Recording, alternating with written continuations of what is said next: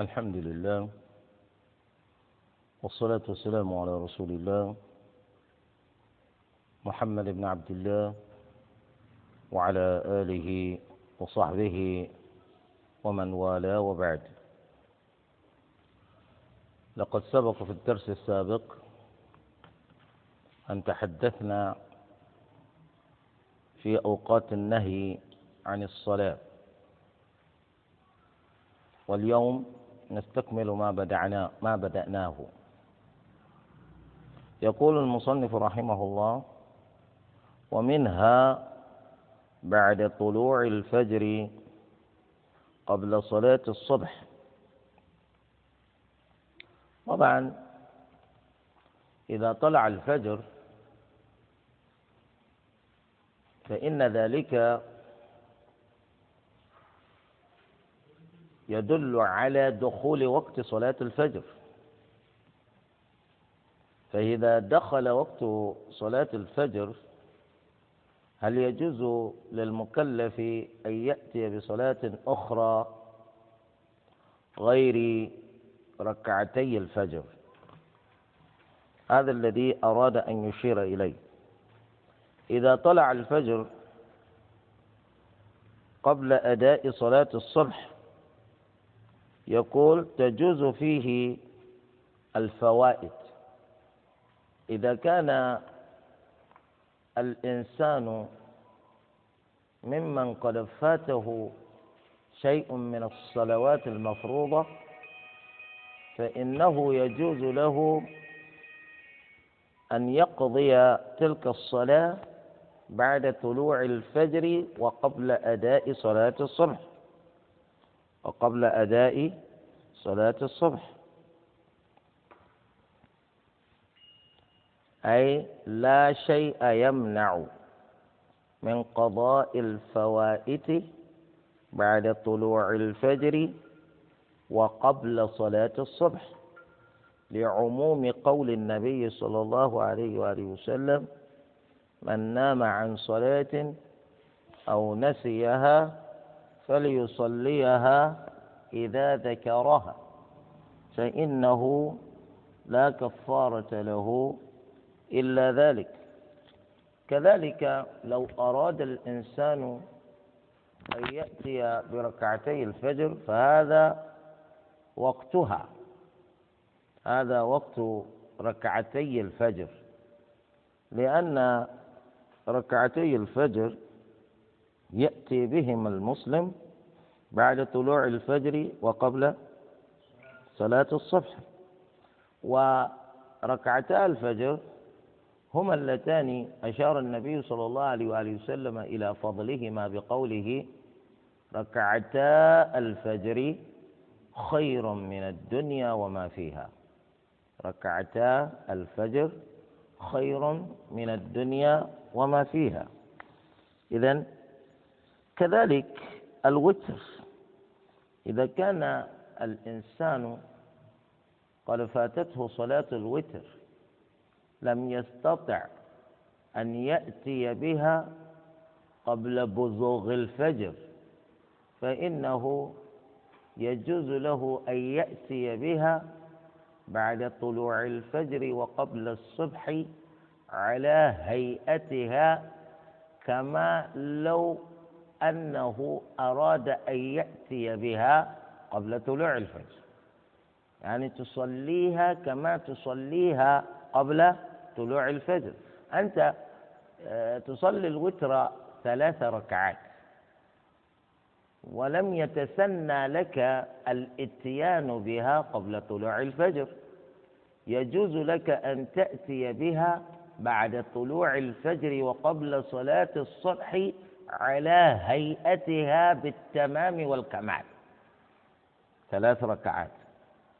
وهذا ثبت عن طائفة من الصحابة رضوان الله عليهم كما ذكر ذلك العلماء في كتب السنن.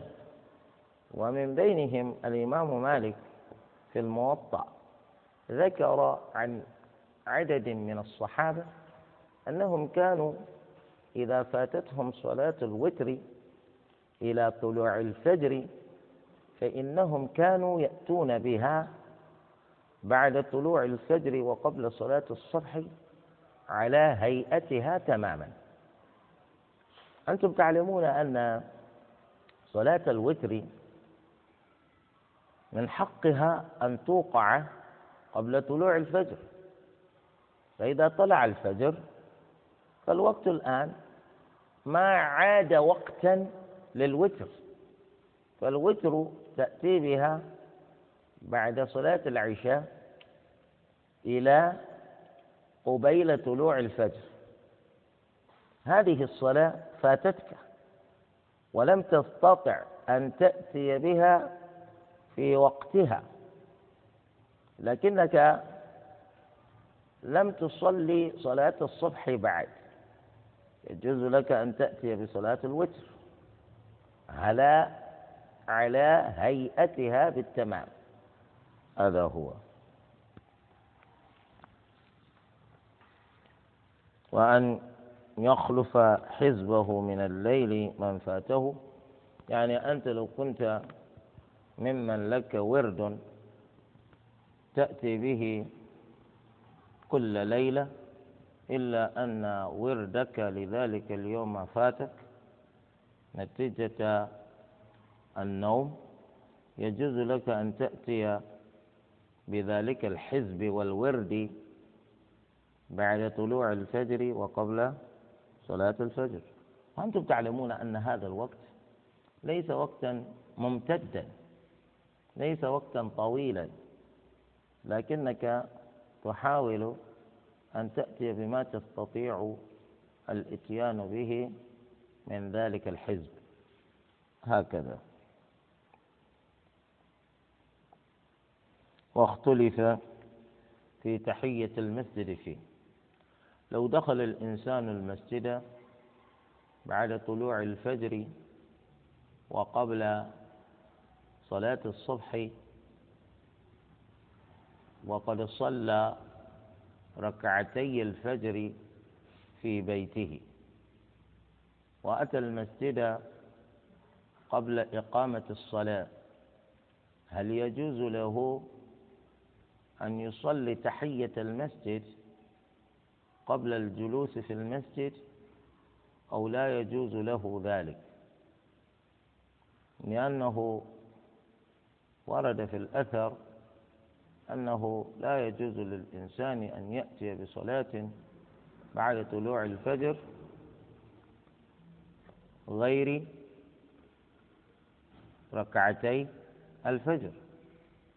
فعلى ذلك إذا دخلت المسجد وقد صليت ركعتي الفجر في البيت ولما تقم الصلاة بعد هل يجوز لك أن تصلي تحية المسجد قبل أن تجلس في المسجد؟ وهناك صورة أخرى أن يكون الإنسان لما يصلي ركعتي الفجر بعد ثم دخل المسجد قبل إقامة الصلاة فإنه يجوز له أن يأتي بركعتين بنيتين. بنية ركعتي الفجر وبنية تحية المسجد. هذا على القول بالتداخل في العبادات. والصورة الأخرى هي الصورة التي قد صلى فيها الإنسان ركعتي الفجر في البيت لكنه دخل المسجد قبل إقامة الصبح والوقت يتسع للإتيان بتحية المسجد قبل الجلوس. هل يصلي تحية المسجد ليجلس في المسجد قبل إقامة الصلاة؟ أو يبقى واقفا في المسجد حتى تقام الصلاة؟ خلافا بين الفقهاء. والصواب والصواب إن شاء الله أنه يأتي بتحية المسجد قبل أن يجلس لعموم أمر النبي صلى الله عليه وآله وسلم بها لكل من دخل المسجد وهو يريد أن يجلس فيه. فالنبي صلى الله عليه وسلم إذا أمر بالإتيان بتحية المسجد من دخل المسجد وهو يريد أن يجلس فيه لم يفرق النبي صلى الله عليه وسلم بين من دخل بعد طلوع الفجر أو قبل طلوع الفجر. فأمره بالإتيان بتحية المسجد عام في كل وقت دخل الإنسان فيه. دخل الإنسان فيه المسجد. قال النبي صلى الله عليه وسلم إذا دخل أحدكم المسجد أي في أي وقت من الأوقات فلا يجلس حتى يصلي ركعتين حتى يصلي ركعتين. فعليه لو دخل إنسان للمسجد وجلس قبل أن يصلي تحية المسجد فإنه يؤمر بها فإنه يؤمر بها وإن كان قد جلس. كما فعل النبي صلى الله عليه وآله وسلم للغطفاني الذي دخل المسجد يوم الجمعة والنبي صلى الله عليه وسلم يخطب فناداه باسمه أو قد صليت قبل أن تجلس؟ قال لا. فقال له قم فصل ركعتين وخففهما. أمره بصلاة تحية المسجد. وإن كان قد سبق أن جلس في المسجد. وهذا يخالف أمر النبي صلى الله عليه وآله وسلم الذي يقضي بعدم الجلوس قبل الإتيان بتحية المسجد. وهذا يدل على أن تحية المسجد لا يفوت بالجلوس. لا يفوت تحية المسجد بالجلوس. وهذا يدل على آكدية تحية المسجد. أي أنها سنة مؤكدة. أنها سنة مؤكدة. بل قد قال بعض العلماء وهم الظاهرية قالوا بوجوب تحية المسجد. قالوا بوجوب تحية المسجد. لأن النبي صلى الله عليه وسلم يقول إذا دخل أحدكم المسجد فلا يجلس فلا يجلس. هذا نهي. حتى يصلي ركعتين وهذا النهي ينتهي بغاية الإتيان بالركعتين تحية المسجد. ويدل على آكديتها أن النبي صلى الله عليه وآله وسلم أمر من قد جلس في المسجد بالقيام ليأتي بتحية المسجد. ولأجل هذا الظاهرية يرون وجوب تحية المسجد. وإن كان غيرهم من العلماء لا يرون وجوبها. لما تقرر في الشريعة أن الصلوات المفروضة خمس لا تزيد على ذلك. ولأجل هذا رفضوا قول الإمام أبي حنيفة رحمه الله حين قال بوجوب صلاة الوتر. إن الله قد زادكم صلاة. عباد الله إن الله قد زادكم صلاة هي الوتر. فأوتروا أمر. فأوتروا عباد الله. فأبو حنيفة يرى وجوب صلاة الوتر. وإن كان الوجوب هنا عند الإمام أبي حنيفة يختلف عن الفرض. فالفرض أقوى من الواجب عند الإمام أبي حنيفة. فالواجب في المصطلح الحنفي يمكن أن يقابله سنة مؤكدة في المصطلح المالكي. لأن الحنفية يفرقون بين الواجب والفرض. فالفرض أقوى من الواجب. الشاهد أيضا من العلماء من يرى أن تحية المسجد واجبة وجوب المسجد وجوب الدخول إلى المسجد أي لا تجب إلا بالدخول إلى المسجد فوجوبها ليس وجوبا مطلقا كالصلوات الخمس. الصواب إن شاء الله أن تحية المسجد سنة وهو وهي مما يمدح فاعله شرعا ولا يذم تاركه شرعا. أي إذا تركت تحية المسجد فإنك لا تذم. غاية ما يترتب على تركك لتحية المسجد أن تكون إنما أسأت إلى نفسك حيث حرمت نفسك الأجر. حرمت نفسك الأجر.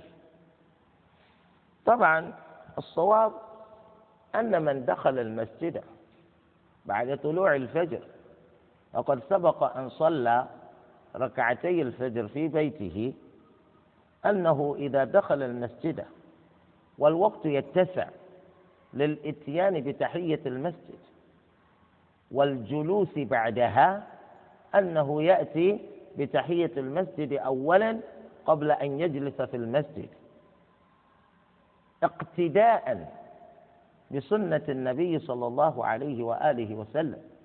لأن النبي صلى الله عليه وآله وسلم لا يأمر من غير أن يعصى. لا يأمر ليعصى. لا يأمر النبي صلى الله عليه وآله وسلم ليعصى إنما يأمر ليطاع.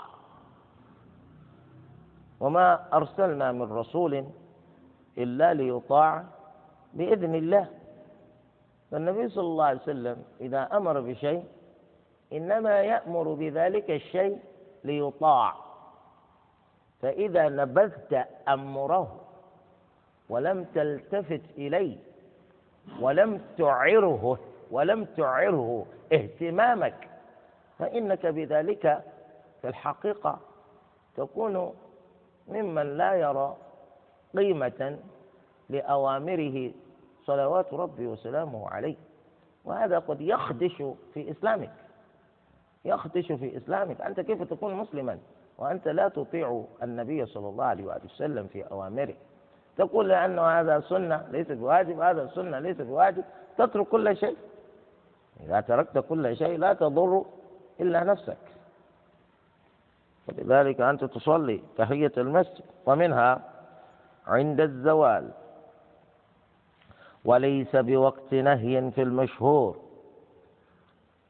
في مشهور المذهب المالكي لا يرون وقت الزوال وقت نهي. أي يجوز للإنسان عند المالكية أن يصلي ما بدا له من النوافل وقت زوال الشمس. وقت زوال الشمس. وهذا يخالف ما عليه الشافعية والحنابلة الذين يرون أن وقت زوال الشمس من أوقات النهي عن النوافل المطلقة. لأنه جاء في الحديث أن النبي صلى الله عليه وسلم نهى نهى عن الصلاة وعن تقدير الموت وعن تقدير الموتى في هذه الأوقات الثلاثة. عند طلوع الشمس وعند غروب الشمس وعندما تقوم قائمة الظهيرة. عندما تقوم قائمة الظهيرة. وعندما تقوم قائمة الظهيرة إشارة إلى وقت الزوال. إشارة إلى وقت الزوال. فلأجل هذا. لا يجوز للإنسان أن يصلي في وقت الزوال. أنت تنتظر حتى يكتمل الزوال. فإذا اكتمل الزوال جاز لك أن تصلي. ولذلك نحن لا نصلي صلاة الظهر وقت الزوال وإنما نصليها بعد الزوال. فيقال لك إذا زالت الشمس. إذا زالت الشمس أي يكون الزوال أولا ثم يأتي أداء صلاة الظهر بعد ذلك الزوال. هذا هو. ما ذهب إليه المالكية في مشهور مذهبهم يقابله الراجح. الراجح هو القول الذي يؤيده الدليل الأقوى. والدليل الأقوى هنا هو ما جاء في ذلك الحديث. والمالكية عندهم قاعدة فيما إذا تعارض المشهور والراجح.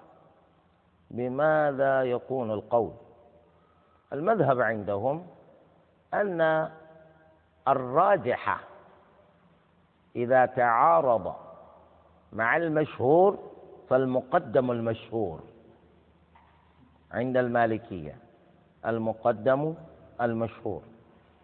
والصواب والصواب إن شاء الله أن نجري مقارنة أن نجري مقارنة. بين أدلة القول المشهور وأدلة القول الراجح ثم نرجح ما نراه راجحا بالدليل. نرجح ما نراه راجحا بالدليل. هذا هو الأصوب هذا هو الأصوب ثم هذا لا يخدش فيما ذهبوا إليه في مذهبهم لأن المشهور عندهم يبقى مشهورا ولكنه إذا عارض الراجح هل نعبد ربنا بالمشهور ونترك الراجح الذي دليله أقوى من دليل المشهور ربنا عز وجل عبدنا بأن نعبده بما بما يتقوى دليله على غيره. ليس بالمشهور العبرة ليس ليست بالكثرة. وإنما العبرة بقوة الدليل. إذا اختلف العلماء في مسألة من المسائل فذهب جمهور الفقهاء إلى القول بكذا وذهب عدد قليل منهم إلى القول بالقول المخالف. هل نأخذ بقول الأكثر لأكثريتهم ونترك قول الأقل لقلتهم أو إنما نرجح ما نرجحه اعتبارا بقوة دليله. هذا الأخير هو الأصوب إنما نرجح ما نرجحه اعتبارا بقوة الدليل. هذا هو الدين. لأننا إذا كنا إنما سنعمل بكثرة القائلين ربما نقول بغير صواب. في بعض المسائل. في بعض المسائل هذا هو. يقول إلا يوم الجمعة. يوم الجمعة الشافعي يرى أن وقت الزوال ليس بوقت نهي يوم الجمعة. وهذا قول قوي. ذلك لأنه ثبت في حديث عن النبي صلى الله عليه وآله وسلم أنه صلى الجمعة قبل الزوال. صلى الجمعة قبل الزوال. هذا يدل على أن وقت الزوال يوم الجمعة ليس بوقت نهي. وإن كان القول بأننا نصلي الجمعة قبل الزوال إعماله لا يكون على سبيل الدوام والاستمرار. لا يكون على سبيل الدوام والاستمرار. لأن النبي صلى الله عليه وآله وسلم إذا أوقع ذلك في ذلك الوقت مرة أو مرتين لا يدل على أنه استمر على ذلك ودام على ذلك طيلة حياته. حتى يأتي كوكبة أو حتى تأتي كوكبة من الشباب الطائشين الذين لا فقه لهم في الدين فيقولون بمشروعية صلاة الجمعة كل يوم على مدار السنة قبل الزواج هذه مشكلة. يعني بأي كتاب أو بأي سنة تصلون الجمعة قبل الزوال على مدار السنة. فلأجل هذا ذهب فقهاء الإسلام كلهم كل أي نعم فقهاء الإسلام كلهم إلى أن الجمعة لا تصلى قبل الزوال إنما تصلى وقت الظهر إنما تصلى وقت الظهر. وذلك لما تضافرت لما تضافرت به الأدلة التي تدل على ذلك. وهناك قول آخر في المذهب الحنبلي فقط يقول بجواز صلاة الجمعة قبل الزوال. وهذا القول ليس هو القول المشهور الذي يفتى به في مذهبهم ولكنه كقول موجود. والإمام ابن قدامة رحمه الله في كتابه المغني ذكر الأقوال وذكر من بينها هذا القول ونسبه إلى الإمام أحمد إلا أنه قال برجحان القول بالصلاة بعد الزوال. قال نترك هذا القول ولنقول بالقول الراجح الذي هو يفيد بعدم جواز صلاة الجمعة قبل الزوال. طبعا هذا القول يوجد عند الحنبلي عند الحنابلة. وهذا الإمام آه، كناطق رسمي للحنابلة. وهو الذي يذكر لنا يقول نترك هذا. إنما نقول بأن الجمعة لا تصلى قبل الزواج وهذا هو المعمول به. في البلدان التي يتفقهون على فقه الحنابلة كالسعودية مثلا والكويت. هؤلاء كلهم لا يصلون الجمعة قبل الزوال يا جماعة. وهم الذين يوجد هذا القول في مذهبهم. لا يصلون الجمعة قبل الزوال. ولو حاول إنسان أن يصلي الجمعة قبل الزوال لاعترضته الحكومة في تلك البلدان. من أين لكم أنتم أن تأتوا تصلوا الجمعة قبل الزوال يا جماعة؟ ربما أذنوا أذنوا بالصلاة قبل الزوال. يؤذنون الأذان الأول قبل الزوال هذا موجود حتى في الحرمين. في مكة وفي المدينة يؤذنون الأذان الأول قبل الزوال. أما الأذان الثاني لا يكون إلا بعد الزوال والإمام على المنبر. فهمتم هذا؟ إذا هذا هو الأصل. إذا لا يجوز لكم أن تصلوا الجمعة قبل الزوال. يا جماعة نحن ندين بهذا الدين الإسلام على ضوء ما نفهمه من على ضوء ما هو مقرر في الكتاب والسنة وفق فهم السلف الصالح. والسلف الصالح ابتداء بالصحابة. هؤلاء كيفما فهموا الدين نفهمه. نحن لا نختلق شيئا من عند أنفسنا. نحن ندين الله بالإسلام ولسنا نلعب. الذي يلعب هو الذي يريد أن يبهر الناس يريد أن يفعل شيئا غريبا من أجل أن يتعجب به الناس. على قاعدة خالف تعرف. لا نحن ندين الله هذا دين لسنا نلعب. هذا هو. فلأجل هذا الجمعة لا تصلى قبل الزواج نعم تقرر أن النبي صلى الله عليه وسلم صلى الجمعة مرة مرتين مرات قبل الزواج لا يدل ذلك على أننا نصلي الجمعة قبل الزواج الصحابي ذكر ما يدل على أن النبي صلى الله عليه وسلم إنما استمر على أداء الجمعة بعد الزوال إلا أنه يأتي بخطبة مختصرة وإنما تطول صلاته. خطبته مختصرة وصلاته طويلة.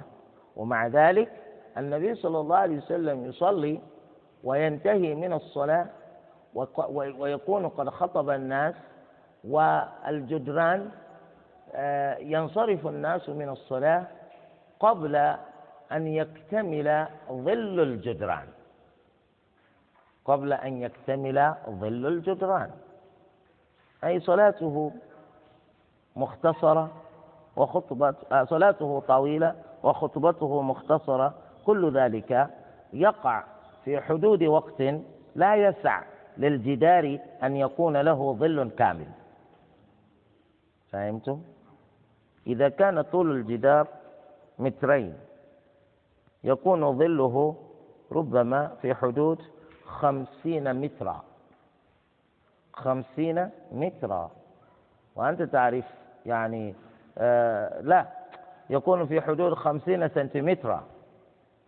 إذا كان الجدار طوله مترين يكون ظله لم يتجاوز خمسين سنتيمترا حتى ينتهي النبي صلى الله عليه وسلم من صلاة الجمعة. يعني خطبته مختصرة وصلاته طويلة ومع ذلك ينصرف من الصلاة قبل أن يكتمل للجدار ظل. هذا هو. ومنها بعد الغروب قبل المغرب على المشهور. هذا الوقت منهي عن الصلاة فيه على المشهور عند المالكية. أي لا يجوز لأحد أن يصلي بعد الغروب قبل صلاة المغرب عند المالكية. إذا أذنوا بصلاة المغرب لم يجد لأحد أن يصلي صلاة إلا المغرب. ولأجل هذا المالكية يقولون لك والمغرب لها وقت واحد. ووقته مضيق. إنما هو أن تؤذن وتقيم مباشرة وتصلوا بعد ذلك. إذا وقت المغرب عند المالكية مضيق. كيف يتسنى لك أن تتنفل بعد غروب الشمس عند المالكية؟ لا يتسنى لك ذلك. لأنهم يقولون إذا غربت الشمس أذنوا بالصلاة وأقاموا الصلاة وصلوا. فهل يجوز لك أن تصلي والمؤذن يؤذن؟ هذا هو. يقول لا يجوز. لأنه وقت ينهى فيه عن الصلاة. بأي دليل؟ ما يوجد. لأن النبي صلى الله عليه وسلم نهى عن الصلاة وقت غروب الشمس. وقت غروب الشمس. أي لا يجوز لك أن تصلي والشمس تغرب حتى تكتمل في غروبها. لقد اكتملت الشمس في غروبها. ألا يجوز لي أن أصلي؟ هذا هو محل الخلاف. يجوز لك أن تصلي. ما الذي يمنع؟ ما في شيء يمنع. الوقت وقت المغرب لكن يجوز لي أن أصلي. أنت تقول لا أصلي بأي دليل؟ لأنه يقول الوقت الذي بعد غروب الشمس هو وقت المغرب. والمغرب هذا وقته مضيق. ولو فتحنا لك باب أن تتنفل في هذا الوقت لأدى ذلك إلى تأخير المغرب عن وقتها. ولما كان قد تقرر عندنا أن المغرب وقته ضيق إذا لا يجوز لك أن تصلي إلا المغرب بعد الغروب. أرأيتم؟ إذا أثبتنا لكم أن المغرب وقته موسع لما ثبت عن النبي صلى الله عليه وسلم أن المغرب وقته موجود إلى مغيب الشفق. فتقرر بذلك أن المغرب أيضا وقته موسع. إذا تقرر عندنا أن وقته موسع إذا جاز لك أن تتنفل بعد غروب الشمس وقبل صلاة المغرب. إذا كان المالكية إنما اعتمدوا في النهي عن الصلاة بعد الغروب على أن المغرب وقته ضيق فإذا أثبتنا بأن وقته موسع بطل ذلك الاحتجاج. إذا جاز للمكلف أن يصلي بين المغرب بعد غروب الشمس وقبل المغرب. كيف لا؟ وقد جاء في الحديث الذي يرويه الإمام مسلم رحمه الله عن طريق عبد الله بن عمر رضي الله عنهما أن النبي صلى الله عليه وآله وسلم يقول صلوا قبل المغرب صلوا قبل المغرب صلوا قبل المغرب. وقال بعد الثالثة لمن شاء. صلوا قبل المغرب صلوا قبل المغرب صلوا قبل المغرب لمن شاء. إذا أنت مخير. أن تصلي بعد الم... قبل صلاة المغرب. إذا شئت أن تصلي فإنك تصلي. لم تشأ أن تصلي لا تصلي. أما أن تنكر على الذي يصلي فلا حجة لك. كيف لا؟ وقد جاء الدليل عن النبي صلى الله عليه وآله وسلم يأمرنا فيه بالصلاة على سبيل التخيير. ولذلك قالوا وكان ابن عمر على ضوء هذا الحديث يصلي بعد الغروب وقبل صلاة المغرب ركعتين. إذا إذا أذنوا بالصلاة إذا أذنوا بصلاة المغرب يجوز لك أن تصلي ركعتين بنية الصلاة قبل المغرب. وليست سنة راتبة. سنة راتبة المغرب تأتي هي بعد صلاة المغرب. أي تصلي ركعتين بعد المغرب وهذه سنة راتبة. أما التي تصليها قبل المغرب أنت مخير بين أن تأتي بها أو لا تأتي بها. هذا هو.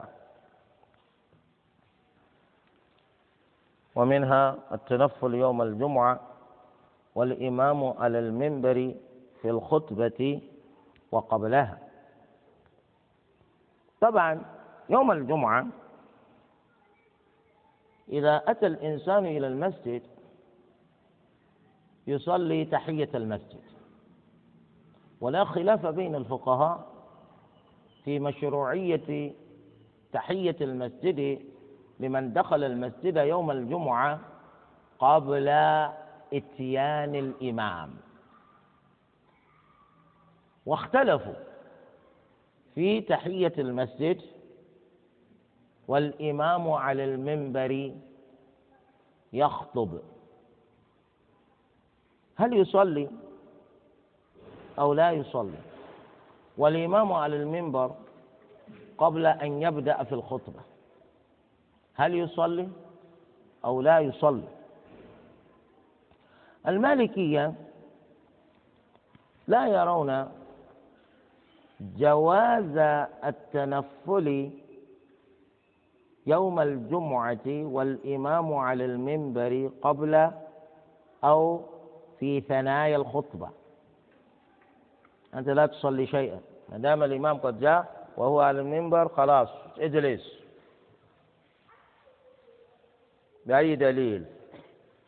عندهم حديث وهذا الحديث ضعيف والحمد لله. يستدلون بذلك الحديث على أن الإمام إذا جاء فإن مجيء الإمام يقطع الكلام والصلاة. مجيء الإمام يقطع الكلام والصلاة. أي لا أحد يتكلم بعد؟ ولا أحد يصلي بعد. لكن خالفهم في ذلك. طبعا في فرق بين من يصلي تحية المسجد ومن يصلي غير تحية المسجد. لا خلاف بين الفقهاء في أنه لا يجوز لأحد أن يصلي النوافل المطلقة بعد مجيء الإمام.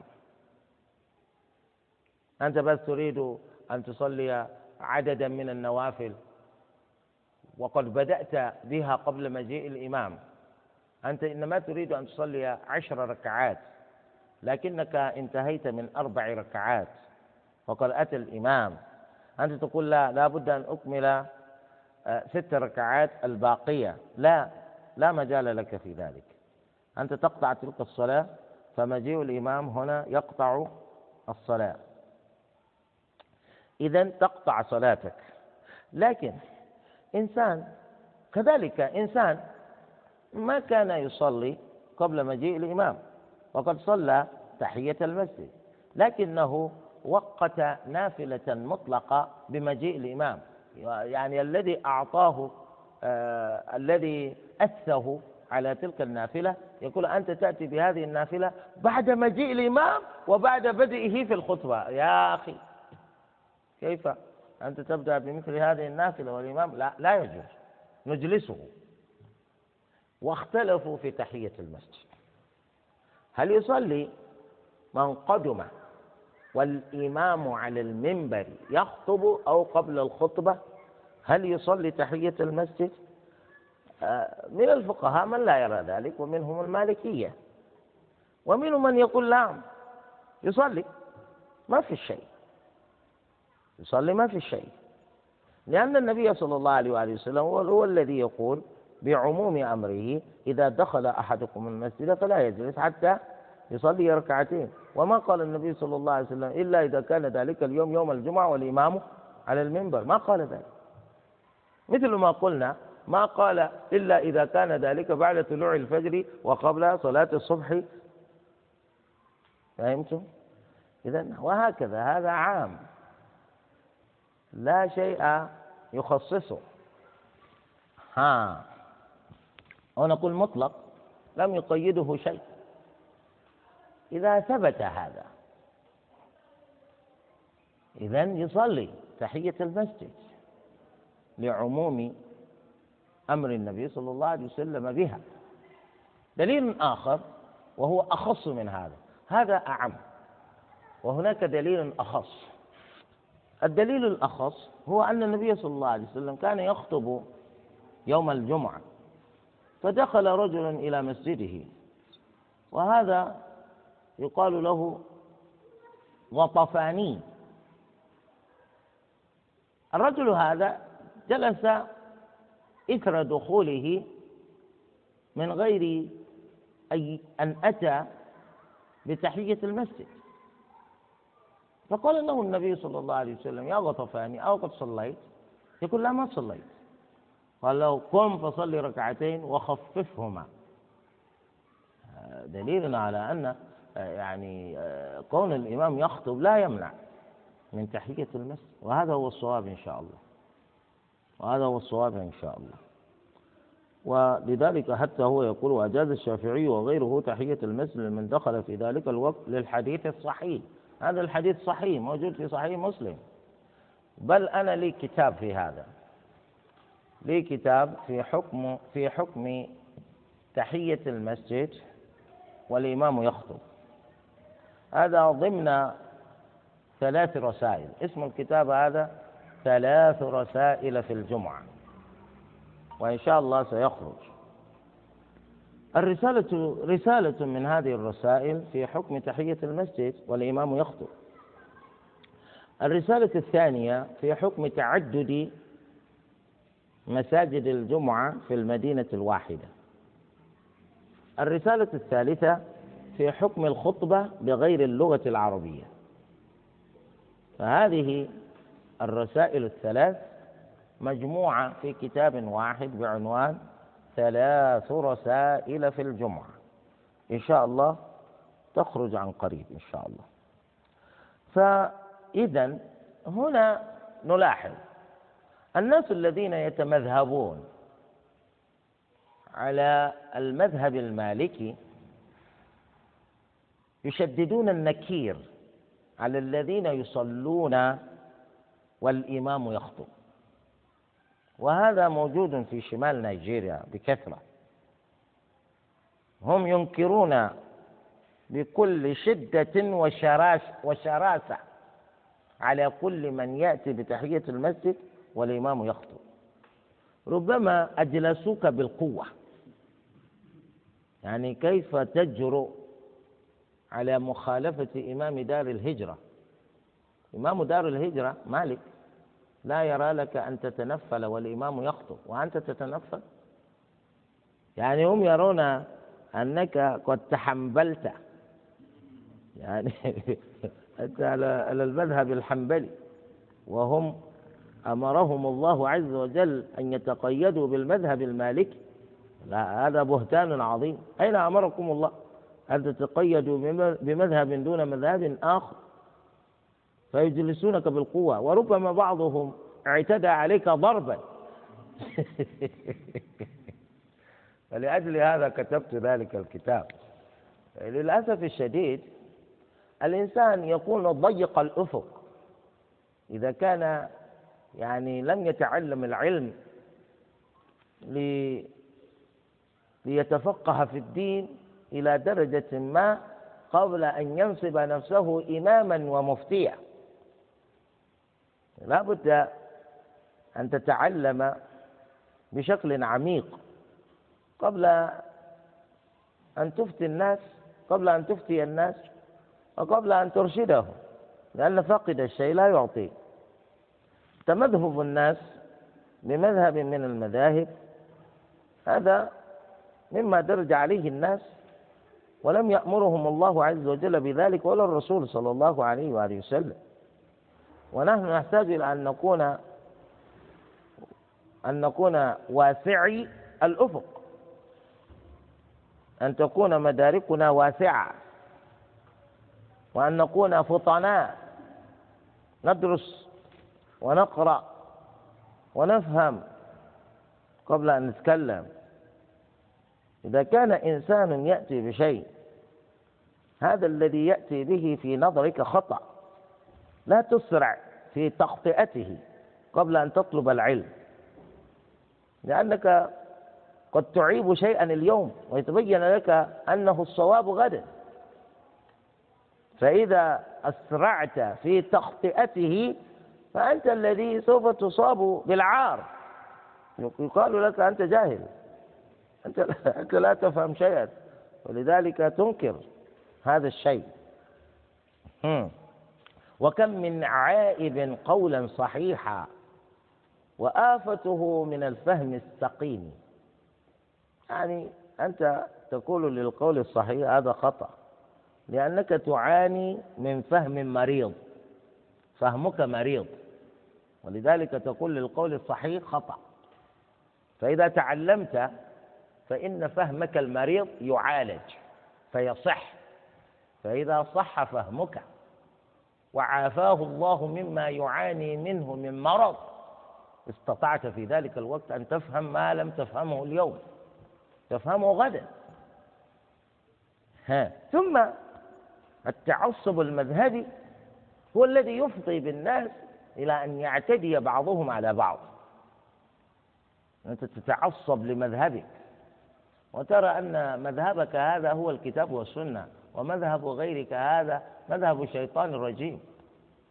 من هنا يعني تجدك تعتدي على الناس.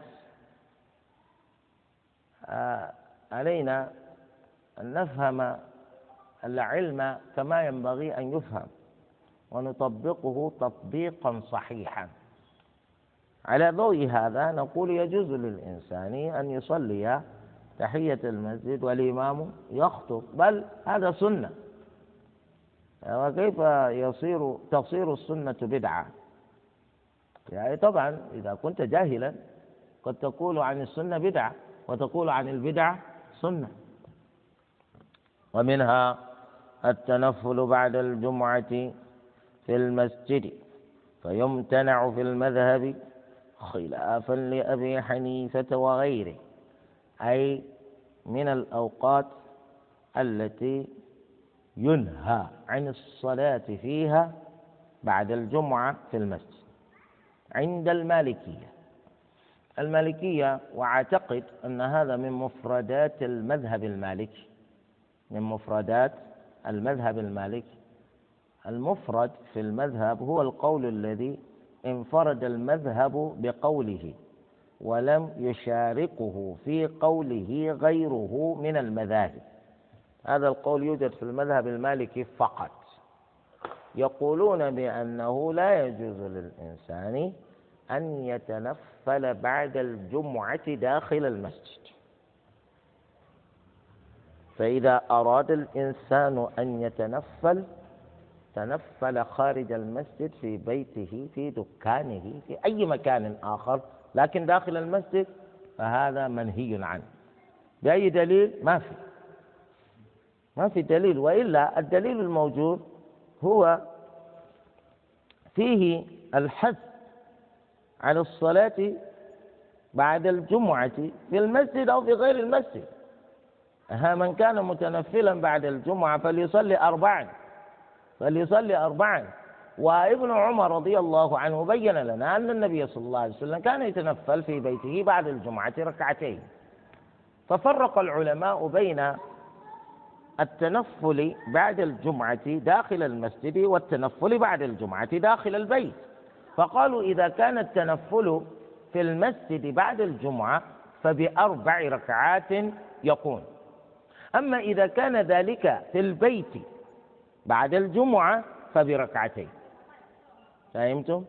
ولماذا المالكية يمنعون من ذلك؟ دليلهم على ذلك هو دليل من الأدلة المختلف فيها. وهذا الدليل يقال له سد الذريعة.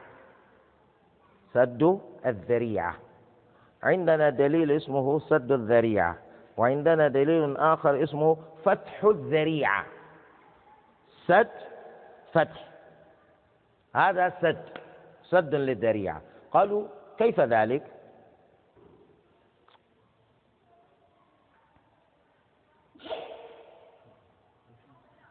مثلا نقول لا يجوز للمرأة أن تخرج من بيتها بعد صلاة العشاء منفردة سدا للذريعة سدا للذريعة كيف؟ يعني حتى إذا كانت يعني إنما تبحث عن الزنا نكون قد أغلقنا عليها الباب فهمتم؟ أو أو يكون زوجها يتهمها بالزنا. نغلق هذا الباب. فهمتم؟ لأنها إذا خرجت وحدها ثم رجعت. ربما يقول الزوج أنت ما خرجت إلا إلا للزنا وقد زنيت. حتى نغلق هذا الباب. قال سدا للذريعة. هنا المالكي يقولون لا تتنفل بعد الجمعة سدا لذريعة حتى لا ي... ذريعة هنا حتى لا يعتقد الناس أن الجمعة لا تكفي قبل أن تأتي بتلك الركعات بعدها. فهمتم؟ ها فيتنفل الكل. ظنا منهم أن الجمعة غير مجزئة. إلا أن يأتي الإنسان بعدها بتلك النوافل. فيعتقدون أن النوافل هذه بعد الجمعة واجبة وجوب الجمعة. نغلق هذا الباب حتى لا يفهموا هذا الفهم الخاطئ. لكن نقول لهم جزاكم الله خير. من يفهم هذا؟ من يفهم هذا؟ ما في. مثله قول المالكية بالمنع من صيام الست من شوال بعد رمضان. بنفس الدليل. سدا للذريعة. ولذلك لو أردت أن تؤلف كتابا هذا يصلح. الأمور المأمور بها في الشريعة نهى عنها المالكية سدا للذريعة. تأتي بمثل هذه الأشياء تؤلفها. حتى نقول أنت كتبت شيئا قبل أن تموت. إذا إذا فهمنا هذا هم قالوا لا لا تصوم الست من شوال حتى لا يعتقد الناس أن رمضان لا يكتمل إلا بالست. فيعتقد وجوب الست كوجوب رمضان. فسدا للذريعة نقول لا تصوم لكن نقول من يعتقد هذا؟ فهمت؟ حتى لو اعتقده بعض الناس. كم نسبتهم إلى غيرهم الذين لا يعتقدون ذلك الاعتقاد الفاسد؟ هم قلة والقاعدة الشرعية تقول القليل ملحق بالعدم. يعني وجودهم كلا وجود. هذا هو. الآن واحد أيضا يقول آه، لماذا تتوضؤون؟ لماذا تتوضؤون؟ الذين يعبدون الأنهار هم الذين يغمسون أنفسهم في النهر وأنتم أيضا تصبون الماء في أجسامكم وتغتسلون للجنابة. لماذا تغتسلون مثلهم؟ ألا تتركون هذا سدا لذريعة؟ فيفسد الدين. واحد أيضا يقول أنتم لماذا تحرمون في إزار ورداء؟ والوثنيون يفعلون ذلك في مجتمعاتنا فهمتم؟ ألا تتركون ذلك سدا لذريعة؟ ها الله فهمتم؟ ها فلأجل هذا ليس كل شيء تقول سدا لذريعة سدا لذريعة. تفسد الدين. هذا هو. إذا يجوز للإنسان أن يتنفل بعد الجمعة. فإذا تنفل أحد بعد الجمعة في المسجد فأربع ركعات فبأربع ركعات يكون أما إذا كان تنفله في البيت فبركعتين يكون ومنها الصلاة بعد العيد وقبلها. فتمنع في المصلى دون المسجد. المصلى هو المكان المعد للصلاة وليس مسجدا. مثل مصلى العيدين. هذا المكان المخصص لصلاة العيدين. يقال له مصلى وليس بمسجد يعني مثل أن يكون الناس في مكان من من الأمكنة يجتمعون في في في في ساحة لصلاة الجماعة وهذه الساحة ليست مبنية. نقول مصلى. وربما رصوا الطوب في ذلك الوقت في ذلك المكان ليميزوا المكان عن غيره. فنقول مصلى. فمن دخل المصلى يصلي تحية المسجد؟ لا لأنه ليس مسجدا إنما هو مصلى. الصلاة في المصلى دون المسجد. أنت لا تصلي قبل العيد في المصلى لأن المصلى لا تحتاج فيه إلى أن تصلي تحية المسجد حتى تقول أصلي قبل العيد. أما بعد العيد هل يجوز لك أن نعم يجوز لك أن تصلي لو أردت أن تصلي في المصلى أو في المسجد ما في مشكلة. فقد ثبت أن بعض الصحابة كانوا يفعلون ذلك. بعد العيد. مثل ما لو أراد شخص أن يصلي آه، سنة الضحى بعد العيد ما في مشكلة. في بيتك في المصلى في المسجد ما في مشكلة. أما إذا كانت صلاة العيد تقام داخل المسجد فإنك تصلي تحية المسجد لأنك دخلت المسجد. ولا علاقة لتحية المسجد بصلاة العيد. إنما تحية المسجد من أجل المسجد. هذا هو. وأنتم تعلمون حتى لو كان الناس يصلون في المصلى يصلون العيد في المصلى ربما لعذر من الأعذار ينتقلون إلى المسجد في سنة من السنوات مطر أو غير مطر يصلوا في المسجد. إذا كانت صلاة العيد مقامة داخل المسجد فالذي يدخل المسجد يصلي تحية المسجد. إذا دخل أحدكم المسجد فلا يجلس حتى يصلي ركعتين حتى لو أتيت للعيد أو لغير العيد. هذا هو. وتجوز فيه ما عند الشافعي. أي تجوز الصلاة قبل وبعد صلاة العيد في المصلى أو في المسجد عند الشافعي. لأنهم يقولون هذا الأمر واسع. العيد صلاة العيد نفسها نافلة. والنافلة الواحد لا يقيد أحدا في النافلة. صلي قبل صلي بعد والله الأمر واسع. لأننا نريد أن ندخل الجنة صح؟ رجل جاء إلى النبي صلى الله عليه وآله وسلم فقال النبي صلى الله عليه فقال النبي صلى الله عليه وسلم لا سل قال أسألك مرافقتك في الجنة. أو غير ذلك قال لا. أو غير ذلك قال لا. قال أعني على نفسك بكثرة السجود. فالإنسان يكثر من النوافل حتى تدخل الجنة صح؟ إذا صلي قبل صلي بعد ما في مشكلة. وتمتنع قبل لا بعد عند ابن حنبل والله أعلم بالصواب. أحمد بن حنبل يقول لا تصلي النافلة قبل العيد ويجوز لك أن تأتي بها بعد العيد. على كل حال أنتم ترون من خلال ما قال المصنف والله أعلم بالصواب. تفهم منه أن الفقه ظني وليس قطعيا.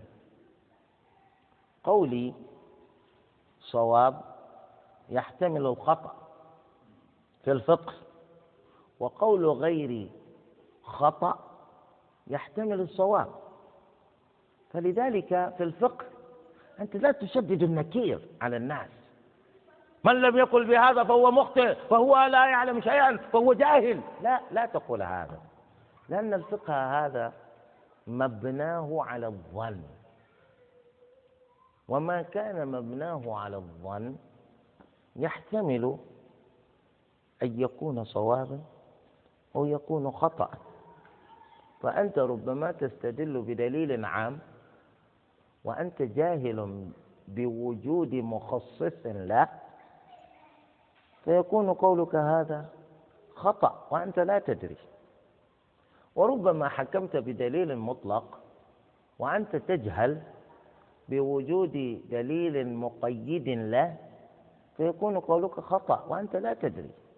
ربما حكمت على ضوء دليل مجمل مع وجود دليل آخر مبين لهذا الشيء وكلامك الذي تراه صوابا قد يكون خطأ ربما حكمت بدليل منسوخ وناسخه موجود. لكنك جهلت ذلك. لأجل هذا إنما نشدد النكير في العقيدة. نشدد النكير في التوحيد. لا مجال في التوحيد اللي اختلفوا فيه إلى ثلاثة أقوال. القول الأول القول... ليه؟ هذا في الفقه. أما في العقيدة لا. الصواب حتى في الفقه الصواب واحد. ولكننا لا نقيم الدنيا خصومة من أجل أن غيرنا نرى أن قوله خطأ. لا. نعذره. ربما لا يعرف. ربما ما تبين له ذلك الدليل. ربما الحديث هذا وصله بطريق ضعيف.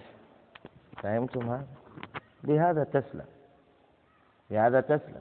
أما أنت إذا كنت إنما تمشي بين الناس دائما بعصا تريد أن تخطئ الناس تريد أن تقول لهم أنت لو أنت وحدك الذي على الصواب. نعم قد تكون على الصواب في كثير من الأمور لكنك ستخطئ يوما. جل من لا يخطئ. ربنا عز وجل هو الذي لا يخطئ. فهمتم؟ سبحانك اللهم وبحمدك. أشهد أن لا إله إلا أنت. أستغفرك وأتوب إليك.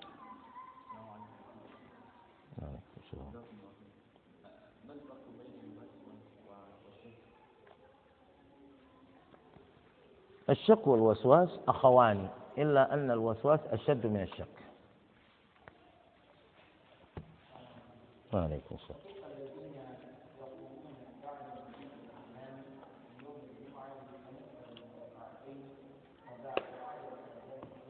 هذا لا يجوز ليس من السنة.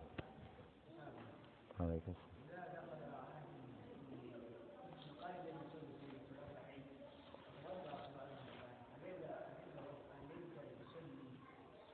سنة الوضوء. أي نعم هذا يدخل في ذلك. من يقول لا يجوز لك أن تتنفل قبل العيد يقول الآن لا.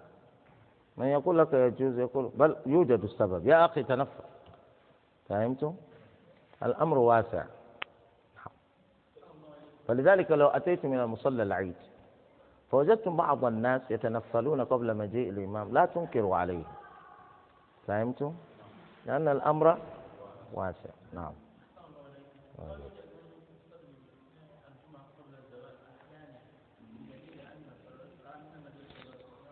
الصواب ألا يفعل. لأنه اليوم تبين أن الذين يفعلونه هم ينكرون السنة وهم أهل البدع. وحتى تنأى بنفسك عن مذهبهم عليك أن تبتعد عن ذلك. وإلا لو فعلته مرة فإن الوصف لا يزول عنك حتى تموت. يقال إنك أيضا تكفيري. فهمت؟ أن التكفيرية يريدون أن يخالفوا الناس. خالف تعرف. من الذي يقول لك لا تصلي بالنعلين؟ ما في. لكن تصلي بالنعلين بطريقة لا تخالف فيها السنة. هم بس يريدون أن يثبتوا للناس أننا نصلي في النعلين. يدخل المسجد ويدوس على على على على على, على الحصير وعلى كل مكان يصلي ويدوس. حتى إذا تكلم أحد جاءه ليلاطمه. فهمتم؟ هذا هو. هم يعني أصلا من على البدعة دائما يريد أن يعرفه الناس. نعم.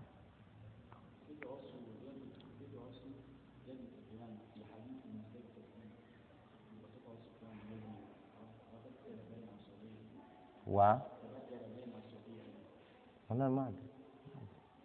نعم. سبحانك اللهم وبحمدك.